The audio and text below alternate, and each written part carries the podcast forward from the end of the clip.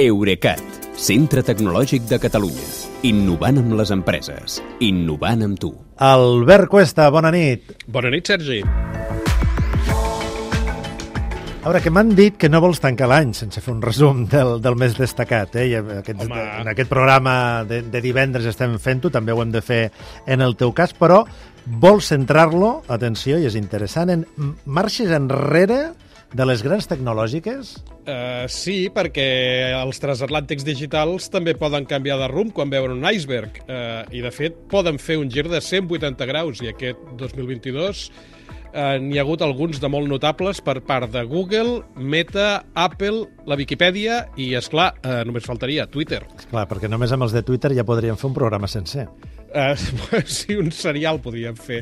Uh, començant amb aquelles suspensions de perfils incòmodes, uh, incòmodes per Elon Musk, per tornar-los a activar hores o dies més tard, o per la creació d'aquella modalitat de pagament Blue que es va haver de retirar perquè més que verificar identitats posava molt senzill suplantar-les, o quan van dissoldre el Consell Assessor de Seguretat i Confiança que ja existia abans. Però jo el que trobo més digne de ser considerada una marxa enrere de Twitter mm. és la nova funció que permet modificar el contingut dels tuits un cop publicats, que és una cosa que la direcció anterior sempre s'havia resistit a oferir. Mm -hmm. I també, clar, parlem molt d'Elon Musk, però també tenim Mark Zuckerberg, eh, amb Meta, que també ha començat a admetre mm, comportaments que fins ara estaven prohibits. Sí, l'empresa d'en Zuckerberg sempre havia presumit, eh, continua fent, de perseguir els discursos d'odi amb les seves xarxes socials, a Facebook i Instagram. Però amb la invasió russa d'Ucraïna eh, van canviar d'opinió. En concret, i això ja ho vam comentar aquí al Catalunya Nit, els usuaris d'Armènia, Azerbaijan, Estònia, Geòrgia, Hongria, Letònia, Lituània, Polònia, Romania, Eslovàquia, i, i també de Rússia i d'Ucraïna, poden escriure eh, els seus perfils convidant explícitament a la violència, o fins i tot amb amenaces de mort, Ai. contra els soldats russos i contra els presidents Putin de Rússia i Lukashenko de Bielorússia.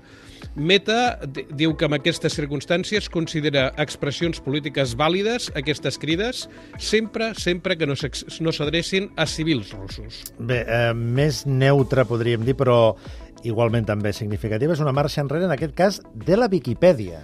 Què ha sí, passat? doncs ha passat que eh, la, en la Fundació Wikimedia, després de molt debatre-ho entre els seus editors, al mes de maig va decidir que ja deixaria d'admetre donacions en criptomonedes. Eh, les acceptava des de l'any 2014, però ara eh, l'entitat, o diguéssim la comunitat, considera que les criptodivises són nocives per al planeta per la gran quantitat d'energia que consumeixen i no volen afavorir-ho. I també en algun moment Apple ha hagut de posar el fre i dir no, vinga, que això no hem de, hem de canviar de, de tema. En quina qüestió ha fet marxa enrere? Doncs ha renunciat a aconseguir a, a perseguir el contingut pedòfil dels iPhones.